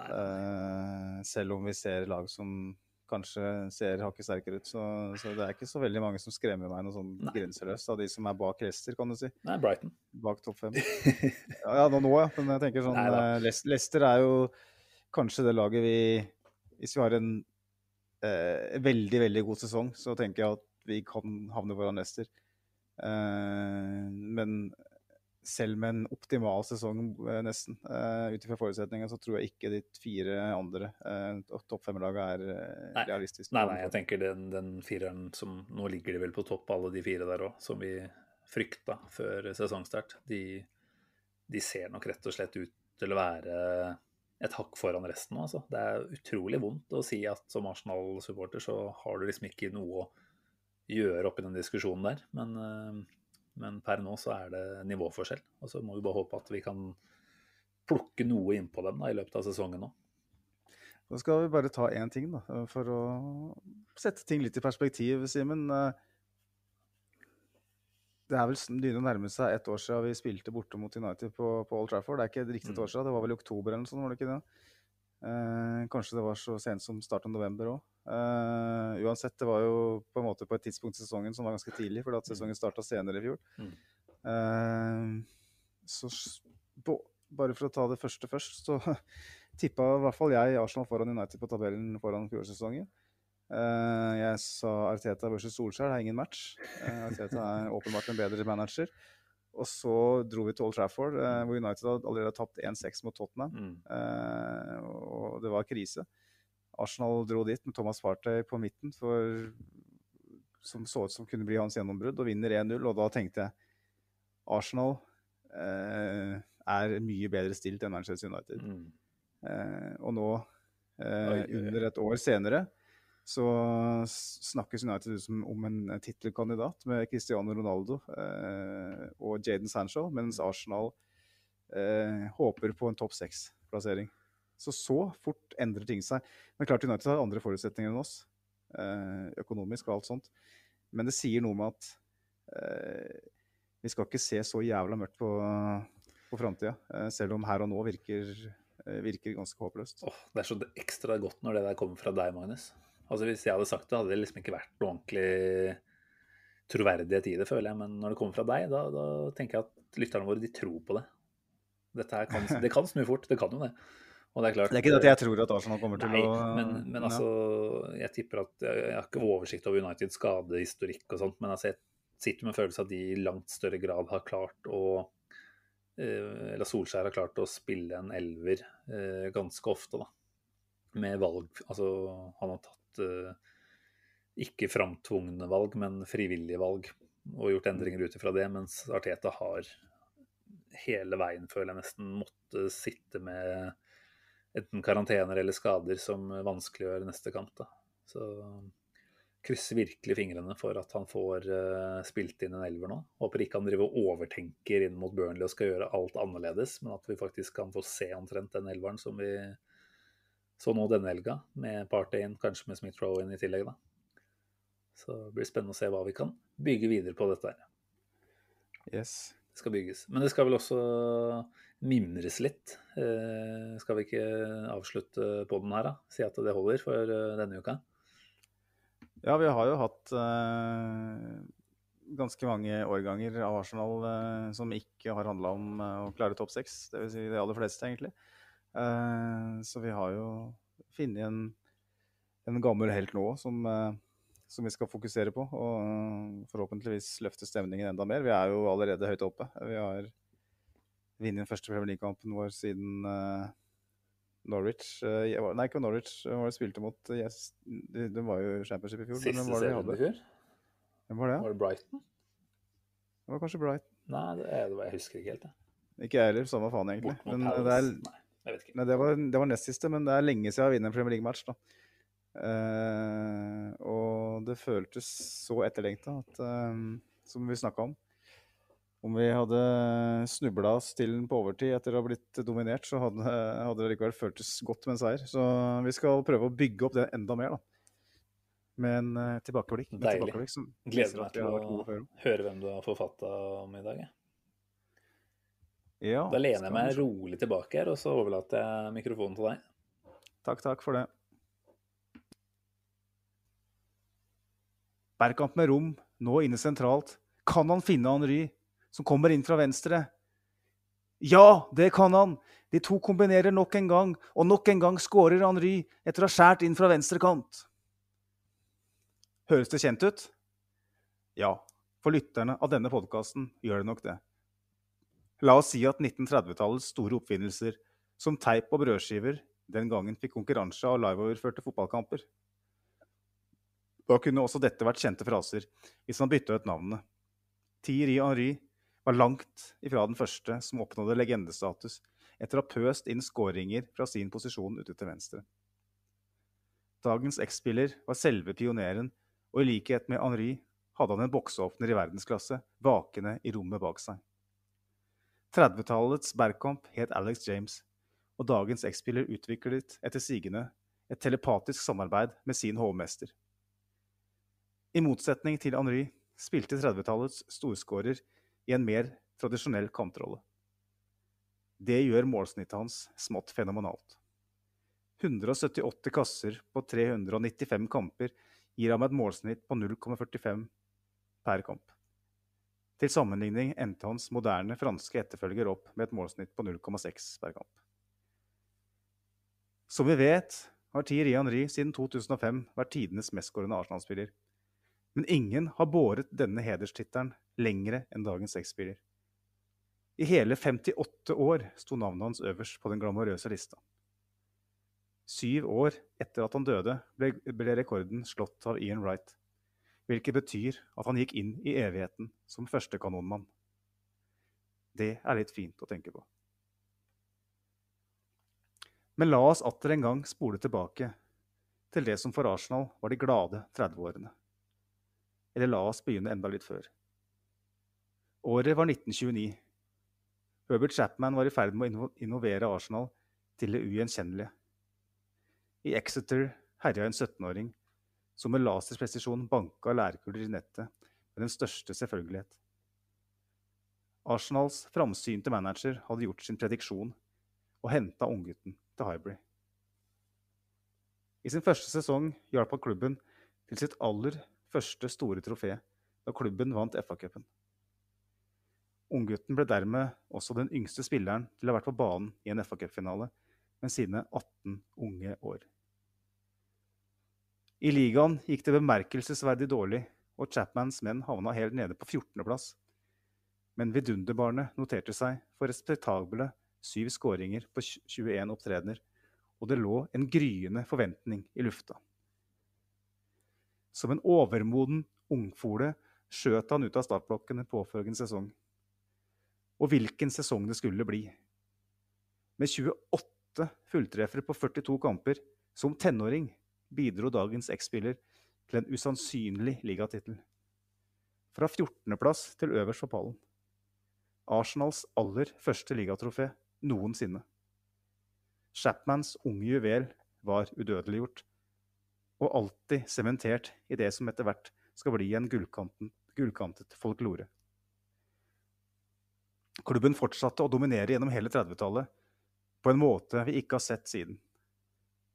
Hele fem ligatitler ble innkassert, og hadde det ikke vært for krigens utbrudd i 1939, kunne gulltoget muligens ha dundra på videre. Krigsutbruddet forhindret også dagens X-spiller i å oppnå umulige tall. Tall som selv Thierry Henry neppe ville matcha. Da en ufyselig mann med bart kommanderte troppene sine inn i Polen, var storskåreren kun 27 år gammel, og mange mente han hadde sine beste år foran seg. Man kan jo bare spekulere i hvor mange nettshus det kunne blitt. Til sammenligning var Ian Wright mannen som slo hans 58 år gamle rekord, allerede 28 år da han ankom klubben. Det som gjør historien om denne legenden enda mer imponerende, er at han slet med betydelig svekket hørsel. På denne tiden fantes det få hjelpemidler, så telepatien med Alex James må ha vært dyp og hyperjustert. I de siste årene før andre verdenskrig skal han ha vært bortimot helt døv men han fortsatte å finne nettmaskene på Hybrid. Nettopp hans hemmede hørsel førte til at han ikke var skikket til aktiv militærtjeneste, og dermed fortsatte å spille uoffisielle kamper så lenge krigen varte. Det var dermed med forfjamselse at britiske sambandsoffiserer fikk en rapport fra italienske fascister om at nettopp dagens X-spiller hadde blitt tatt til fange av motparten i slaget om Kreta i 1941. På dette tidspunktet vokta han det aller helligste. Sammen med Tom Whittaker ble han beordra til å stå sivil vakt på taket på Hybrid. Mon tro hva han tenkte da han sto og speidet utover mot Avenue Road og Finsbury Park og fikk beskjed om at noen mente han satt som krigsfange i Italia. Heldigvis var dette kun opportunistisk propaganda, og Arsenals skarpskytter var klar igjen til dyst da krigen endelig ebba ut. Dessverre skulle en skade, som de historiske kildene ikke har helt presis informasjon om, gjøre at den da 32 år gamle angriperen ikke klarte å gjenerobre sitt vante nivå. Faktisk ble det kun sju tellende kamper for Arsenal etter krigen, og null skåringer. I 1947, som tidenes toppskårer hos The Gunners, plasserte Cliff Bastin støvlene på hylla.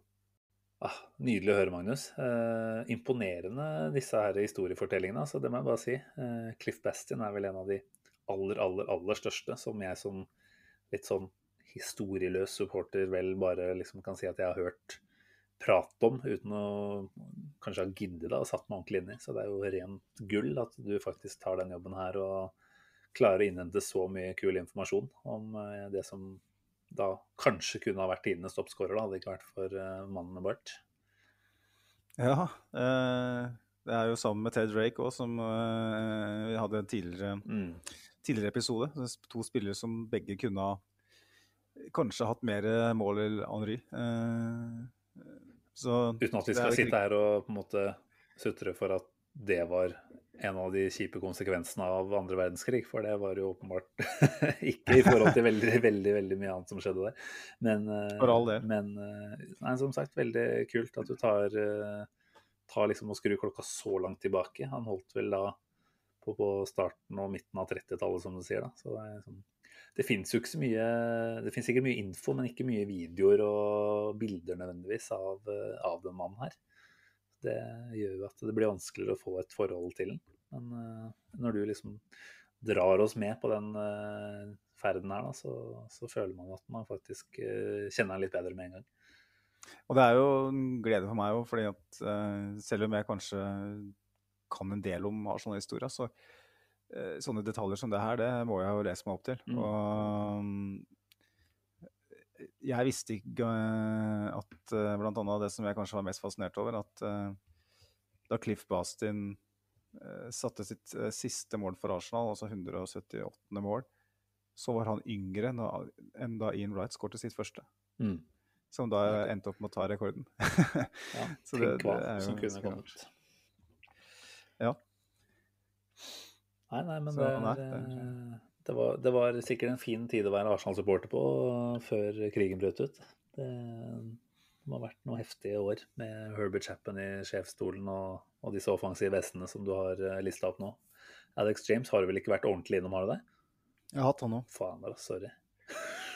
jeg har hatt uh, det, det, det, jeg kan si, da, for, for de av lytterne som si, kanskje er 10, 20 og 30 år eldre, så har det vært få spillere fra sånn tidlig 90-, 80- og 70-tall og sånn. Det er litt fordi at jeg føler at uh, der er det så mange som kan så mye mer enn meg. Uh, som har sett de spillere her spille. Uh, og da føler jeg liksom at Jeg kan ta en oppfordring, da. Hvis det er noen som er, da savner de, så skriv gjerne en X-spiller sjøl og send inn, så tar vi den. For det um, Ja, altså, jeg foreslår en X-spiller. Jeg trenger ikke å skrive hele spalten her. Ja, man kan godt skrive nå. Ja, ja, okay. okay. Det hadde vært helt kjempe, det. Altså. Få pizzagavekort fra Dominos da, i så fall. Ja, det, absolutt. Det må de få da. Eh, hvis det er noen som har en sånn helt fra 80-tallet eller noe sånt, som, eller tidlig 90, eller kanskje 70 år, kanskje sånn som Charlie George eller noe sånt. Eh, eller Frank McClintock, eller hva det måtte være. Som de har eh, personlige minner om. Førstehåndserfaring. Så hadde det vært kjempekult å fått, uh, fått en egen uh, komponert tekst. Også fordi at jeg føler at jeg har ikke så mye å komme med der. Eh, de som spilte på 30-tallet, dem er det ingen som har så mye å komme med. ikke sant? Så hvis jeg gjør litt research der, så kan jeg, gjøre, så kan jeg komme med noe som er litt ålreit. Mm. Og de som da har spilt på fra midten av 90-tallet og fram til i dag, dem har jeg òg eh, sett spille eh, og har kunnskap om. Eh, og da er det på en måte lettere å presentere den på en litt sånn ålreit måte. da. Eh, så det er, litt, det er, litt, årsaken, da, hvis noen savner, savner litt fra den epoken som, som de kanskje har vokst opp med, eller hva det måtte være. Ja, det er klart. Hvis det er på en måte grunnen til at du har vært litt uh, forsiktig med å begive deg ut på den årgangen, eller de årgangene der, så, så skjønner jeg jo for så vidt det. Uh, så, så, du gjør en sinnssykt god jobb med de du plukker, så jeg tipper du hadde gjort det bra der òg. Men uh, at du tar det forbeholdet der, det, det legger jo opp til en god smash, det er fra noen av lytterne, hvis det er noen som har noe ekstraordinært å komme med der. Ja, det hadde kunne vi ha lært av òg, ikke sant. For at man kan jo google seg til mye og lese seg til mye, men det er liksom det, å, det å oppleve det, å hatt, sitte med de følelsene der og da, eh, gjør at man har en annen evne til å formidle. Mm. Det, den har jo ikke jeg. for jeg, jeg, så ikke Liam Brady og Frank McLintock eh, spille for Arsenal. Så det er vanskelig for meg å komme med en sånn innlevelse på, på den måten. Ja, nei, Får se om noen tar oppfordringa. Hvis ikke, så veit jeg at du uansett kommer til å levere godt når vi er tilbake neste uke med en ny pod. Eh, vi får vel si at dette her får være bra for i dag. Vi tar vel ikke noe inngående preview på, på den eh, bortekampen som venter nå neste lørdag. Det er vel ny klokka fire-kamp. Det er jo et helt nydelig tidspunkt å se fotball på. Selv om det ofte kan krasje litt, så, så er det noe med at det er der. Det er der vi på en måte har lært oss å bli glad i engelsk fotball, klokka fire på lørdag.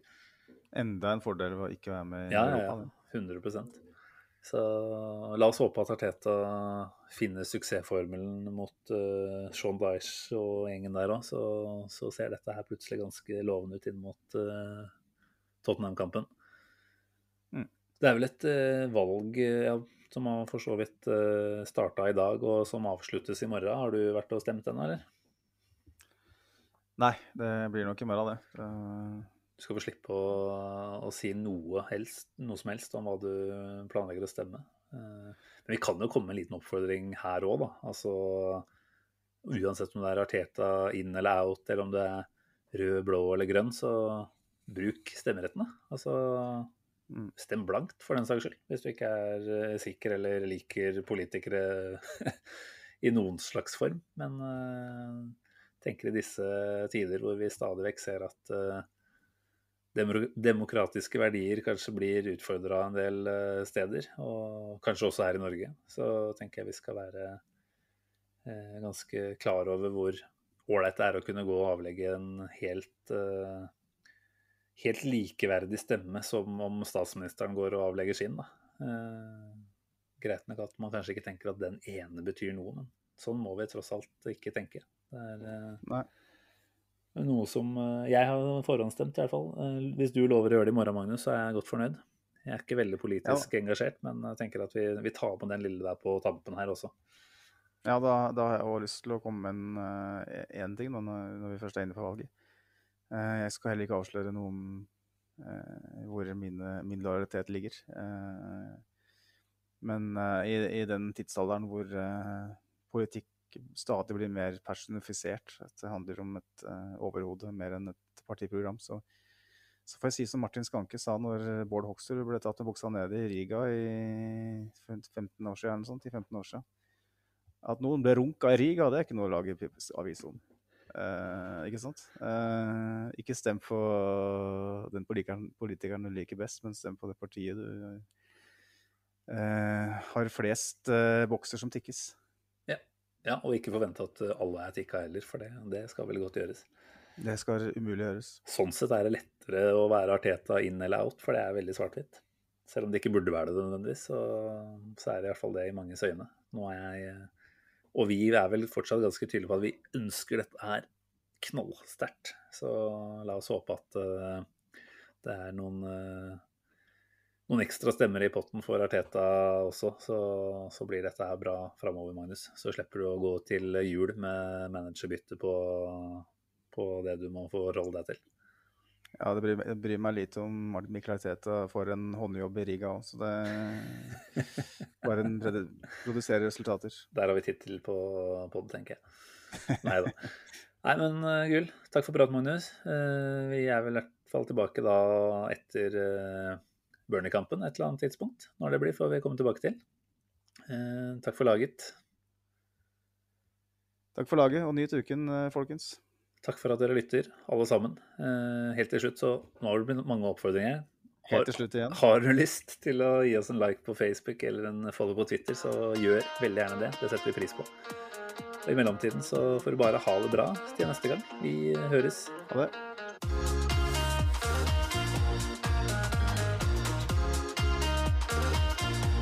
This train terminates here.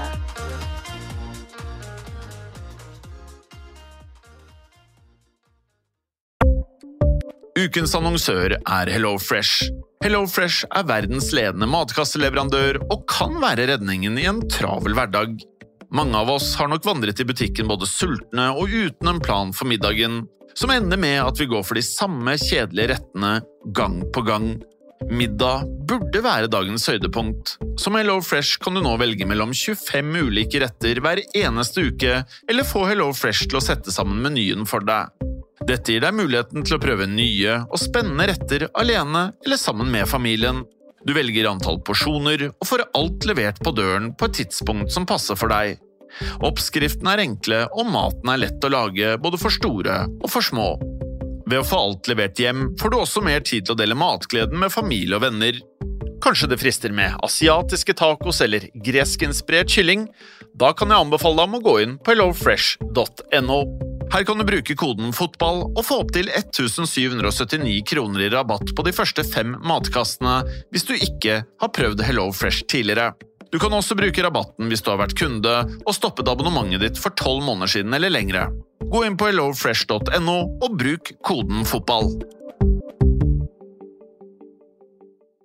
Har du et enkeltpersonforetak eller en liten bedrift? Da er du sikkert lei av å høre meg snakke om hvor enkelt det er med kvitteringer og bilag i fiken, så vi eh, gir oss her, vi. Fordi vi liker enkelt. Fiken superenkelt regnskap.